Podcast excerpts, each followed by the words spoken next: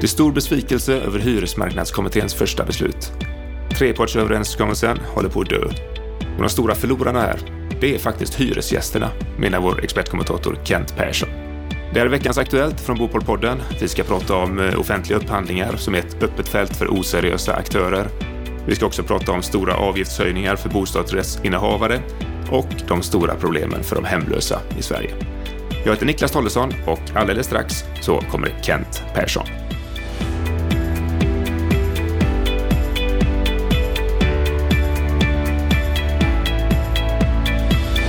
Så, då är vår expertkommentator Kent Persson med oss här i veckans Aktuellt. Ja, och vi ska börja med eh, den öppna utfrågningen i finansutskottet som var här i veckan, där Erik Thedéen gjorde ett av sina första framträdanden som riksbankschef.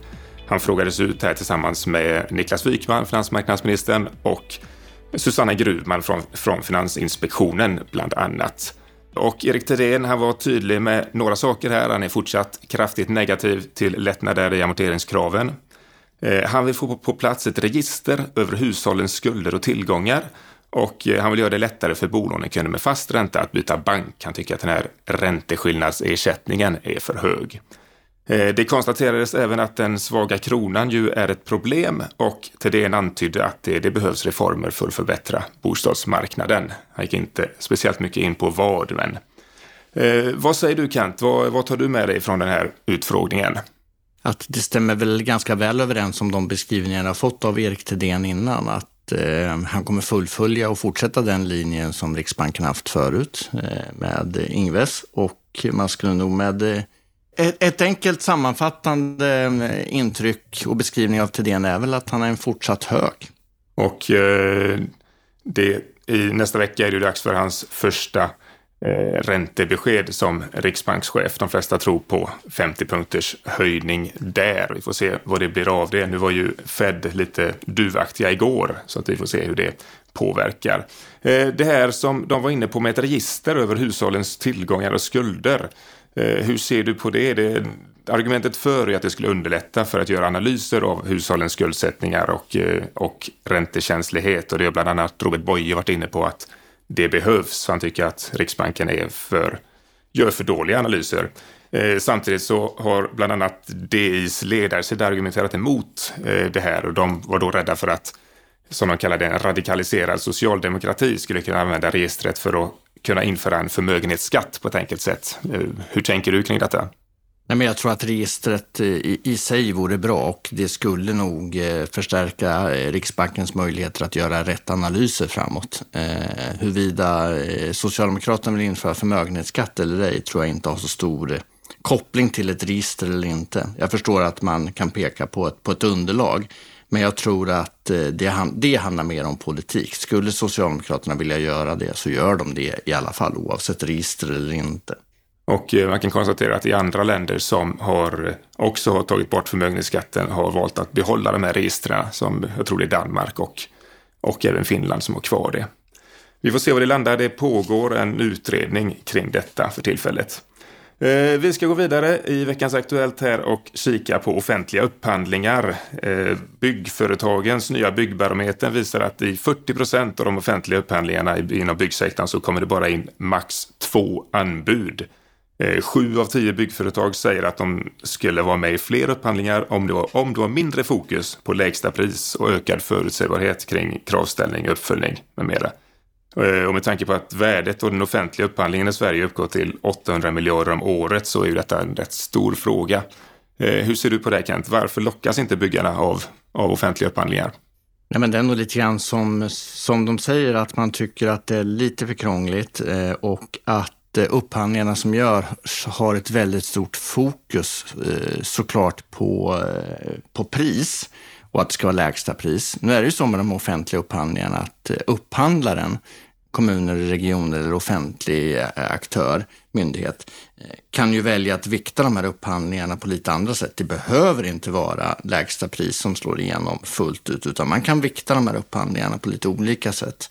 Och jag tror att skulle upphandlarna det vill säga offentlig sektor, blir lite duktigare på att genomföra de här upphandlingarna och ställa rätt och rimliga krav, så skulle, tror jag, fler byggaktörer vara intresserade av att eh, att gå in med bud i de här processerna.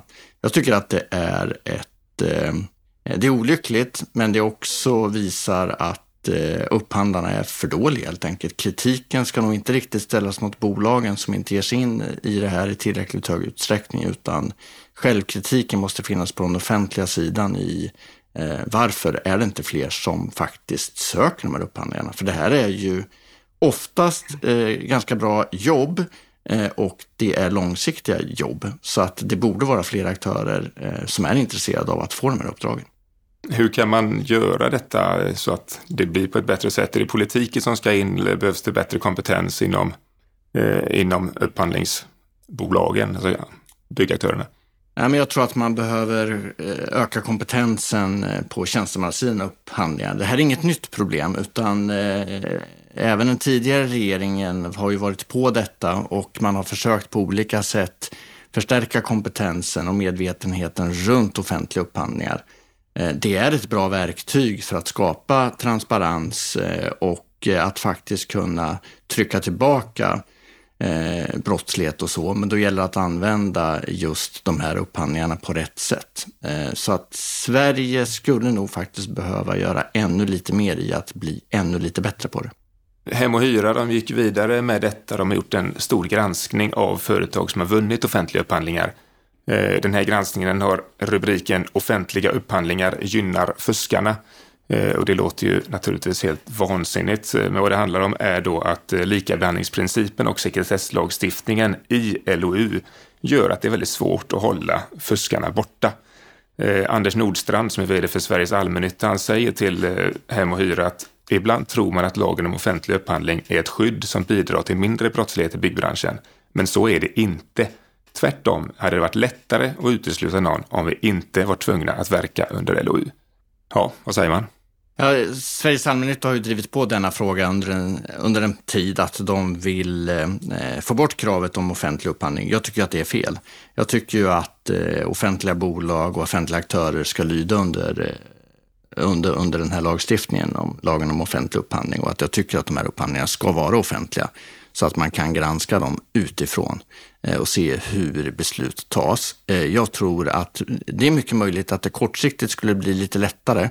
Långsiktigt så tror jag detta vore förödande. Så att eh, återigen, här är egentligen samma svar. Upphandlarna måste bli duktigare och är det så att man som Hem och Hyra kan konstatera att det är oseriösa aktörer som har tagit sig in, ja då har ju upphandlingarna inte riktigt gjort på rätt sätt. Då får, man, då får man titta på vilka krav har man ställt och hur har man utvärderat eh, de här kraven och hur har man genomfört upphandlingen. För att det är klart att här måste man som upphandlare kunna göra upphandlingen bättre. Förödande på lång sikt säger du att, eh, att undanta allmännyttorna och andra från LOU. Tänker du på korruptionsrisker eller vad, vad, på vilket sätt skulle det vara förödande? Ja, absolut. Korruptionen eh, tror jag skulle riskera att öka och eh, det vore minst sagt eh, olyckligt. Eh, så vi behöver inte mindre transparens utan vi behöver snarare mer transparens och vi behöver upphandlare som är, eh, är duktigare på att upphandla vad det är de faktiskt upphandlar och vilka krav man ställer. Då kommer också fler kunna eh, ge bud. Sen så är det såklart att som upphandlare man kan fundera på hur stora upphandlingar gör man? Min erfarenhet är också att det görs väldigt stora upphandlingar, vilket gör att det är ganska få aktörer som kan gå in med bud. Här kan ju också eh, kommuner, regioner och offentliga aktörer fundera på hur man kan göra de här upphandlingarna i, eh, göra mindre upphandlingar. Eh, helt enkelt dela upp olika projekt på olika sätt för att kunna locka till sig fler anbudsgivare. Yes, vi ska gå vidare här och eh, kika på en analys som bostadsförvaltaren Nabo har gjort som kom i veckan och väckt en del uppmärksamhet.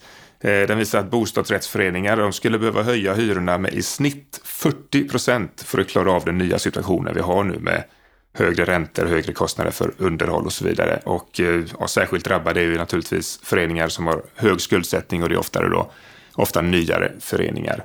40 procent är, är väldigt höga siffror. Vad säger du om detta?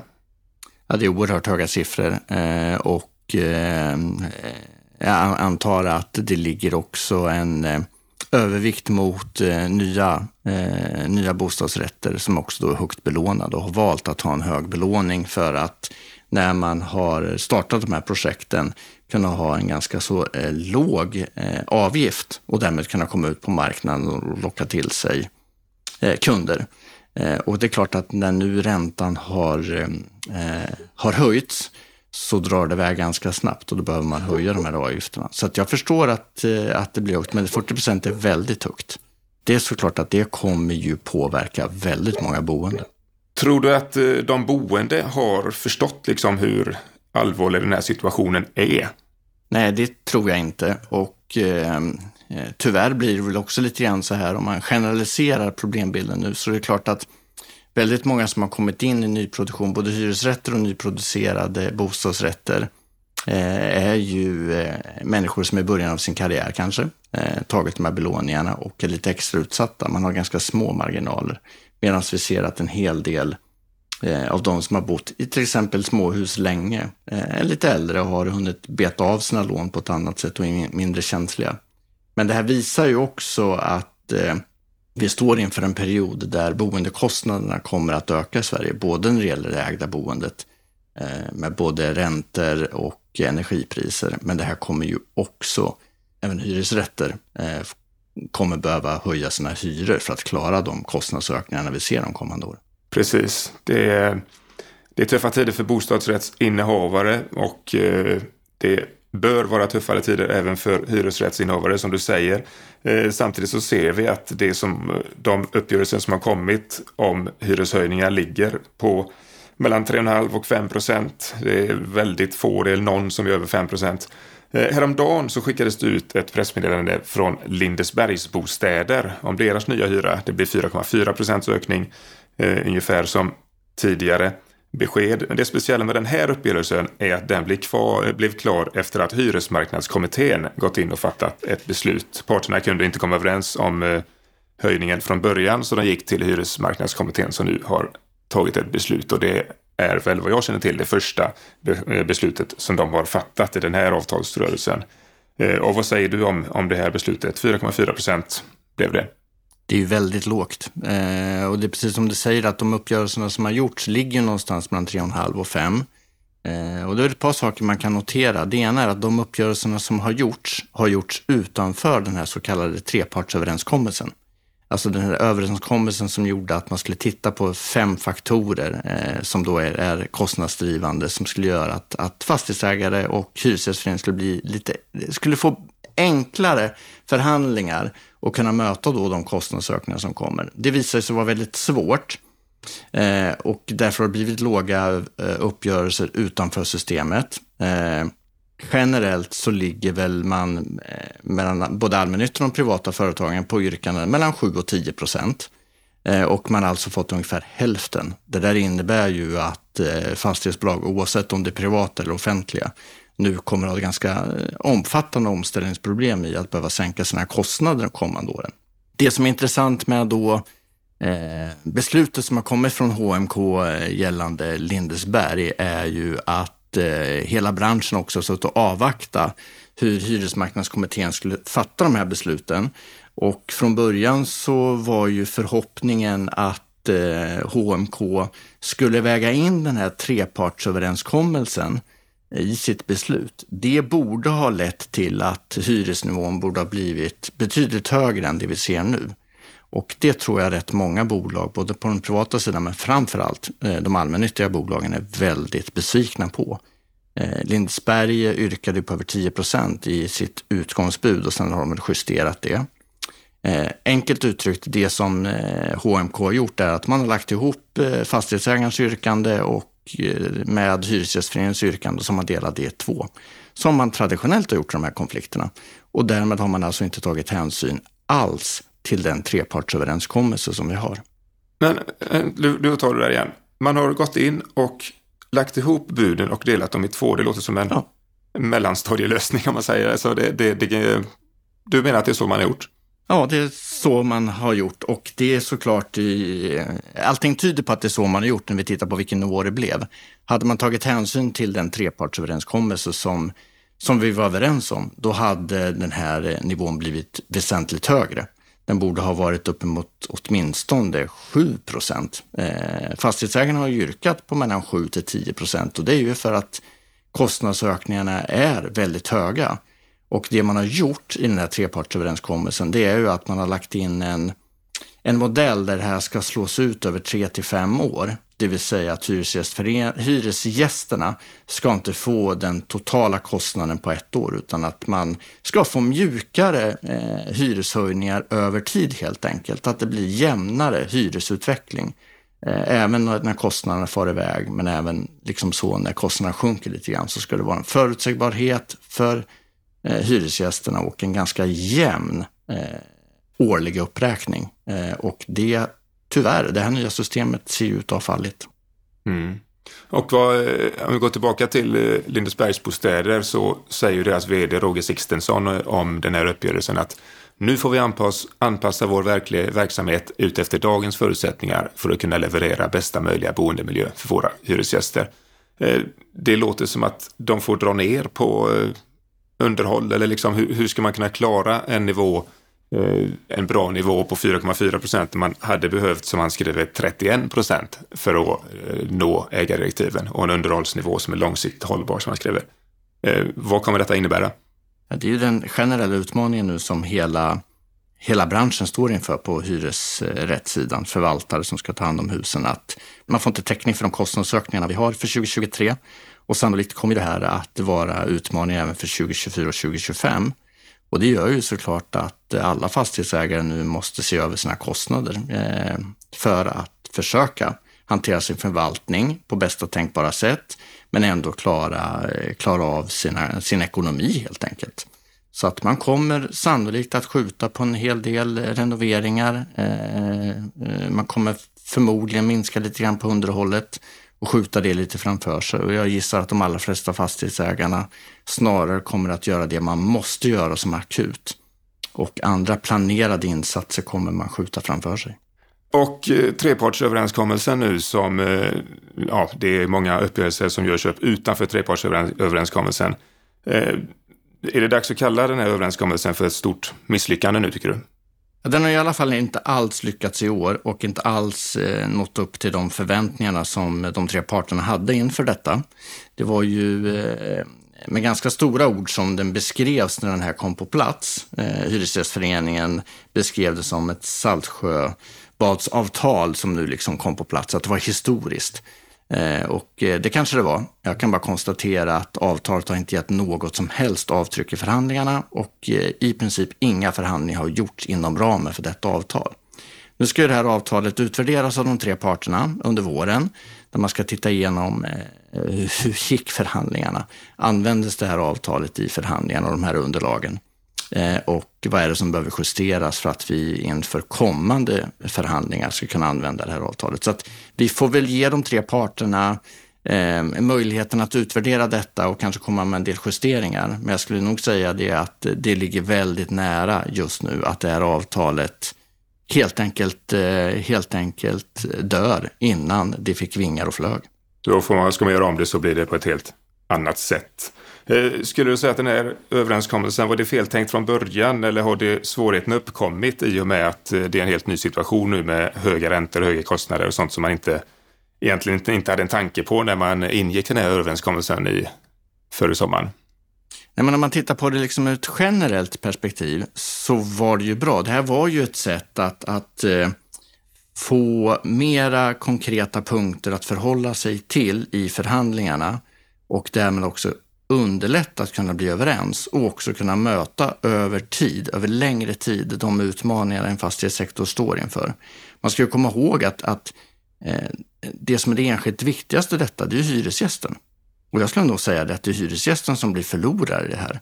Eh, och då är det en del som beskriver hyresgästerna som, som någon slags vinnare nu när man får ganska låga hyresuppräkningar. Höga i ett historiskt perspektiv, höga för hushåll som har väldigt små marginaler. Då har jag respekt för att de har jättesvårt att klara de här hyreshöjningarna. Men i ett generellt perspektiv så är det ju väldigt låga kostnadsökningar hyresgäster får om man jämför med, det, med de som äger sitt eget boende. Eh, de får ju mycket högre kostnadsökningar. Men för fastighetsägarna är ju detta ett problem i att det eh, undergräver möjligheten att kunna förvalta fastigheterna på ett bra sätt. Och det drabbar ytterst faktiskt hyresgästerna på lång sikt. Så att jag skulle nog säga det att den största förloraren av att vi nu inte har ett eh, hyresförhandlingssystem som fungerar, det är hyresgästerna. På tal om misslyckanden och så vidare så ska vi gå in på eh, Sveriges Stadsmissioner som har kommit med en ny hemlöshetsrapport som visar att det blir eh, allt svårare för strukturellt hemlösa att få hjälp av kommunerna med bostad. Eh, de menar att praxis har ändrats och att kommunerna alltmer låter ekonomin styra socialtjänstens insatser. Eh, de skriver också i rapporten att antalet vräkningar ökar. Eh, vad säger de om det här? Det är ju en tendens som vi har sett och ehm, eh, hört. Jag har stor respekt för Stadsmissionens både engagemang och kunskap om de här frågorna. Eh, så deras årliga rapporter och återkommande rapporter eh, tycker jag att både branschen och kanske framförallt politiken ska ta del av och eh, faktiskt använda i, i sitt arbete framåt. Det är djupt oroande det som de nu signalerar. Eh, vi är på väg in i sämre tider och då vet vi av, av det man kan lära av historien när det gäller sämre tider, det är att redan utsatta grupper blir ännu mer utsatta. Vi vet också att kommuner och i socialförvaltning, när de hamnar i lägen där de behöver spara pengar, och det behöver de förmodligen göra nu när vi går in mot sämre tider, för att det är fler som har, har behov av stöd. Det blir lite bakvänt, att i dåliga tider så behöver socialförvaltningar och kommuner spara, när det egentligen är så att behoven är större. Eh, och då, då det blir så att de som har störst behov är oftast de som det spars på. För att mycket av, av arbetet när det gäller av social karaktär, bland annat att, att bekämpa hemlöshet, det ligger utanför det som man måste göra som kommun. Och då är det ändå relativt enkelt att göra besparingar där. Så att jag ser också med oro att, att förmodligen kommer de som är hemlösa få det ännu lite tuffare de kommande åren på grund av att vi är på väg in i sämre tider och att offentlig sektor helt enkelt eh, behöver göra besparingar. Stadsmissionen eh, kommer med ett antal förslag, som de, eller krav som de kallar det, på regeringen här. Bland annat tycker de att det ska bli svårare att vräka och i princip eh, omöjligt att vräka en barnfamilj. Eh, hur tänker du kring det här? Jag tycker det är klokt. Eh, det, det, man, man, ska in i det sista försöka undvika att, att vräka personer generellt och framförallt barnfamiljer. För att det blir också oerhört besvärligt för barnen som också måste få någon slags trygghet. Trygghet i den här tuffa tiden. Eh, annars kommer de få väldigt svårt att tillgodogöra sig skola och då vet vi också att eh, barn och unga som halkar snett tidigt riskerar också att halka snett i en längre period. Så att här tycker jag att man ska lyssna på Stadsmissionen och försöka göra insatser som minskar antalet vräkningar. Insatser som minskar antalet vräkningar. Det är en svår situation för många, inte minst för de hemlösa. Och redan på måndag så ska vi prata mer om det här i Bopolpodden. Eh, då kommer Martin Lindvall från Fastighetsägarna hit och ger sin syn på den sociala bostadspolitiken. Då kommer det låta så här. De billiga bostäderna finns, de byggs inte. Tror vi att vi bygger lösningar för de mest utsatta, ja, då tror jag vi är inne på ett farligt spår tittar vi på hur kan vi tillgängliggöra det billiga boende som finns redan? Ja, då blir det lite fråga om rörligheten på bostadsmarknaden. Håller vi det stängt med många inlåsningseffekter? Har ett fokus, på att bara vi bygger mer så lös, löses det. här, Ja, då tror jag vi, då tror jag vi hamnar snett. Martin Lindvall på måndag alltså. Ja, det var allt från oss för idag. Eh, gå gärna in på bostadspolitik.se och läs det allra senaste och eh, teckna dig för vårt kostnadsfria nyhetsbrev som skickas ut varje fredag. Eh, stort tack till dig Kent som har varit med här idag och stort tack till er som har lyssnat och har nu en riktigt fin helg.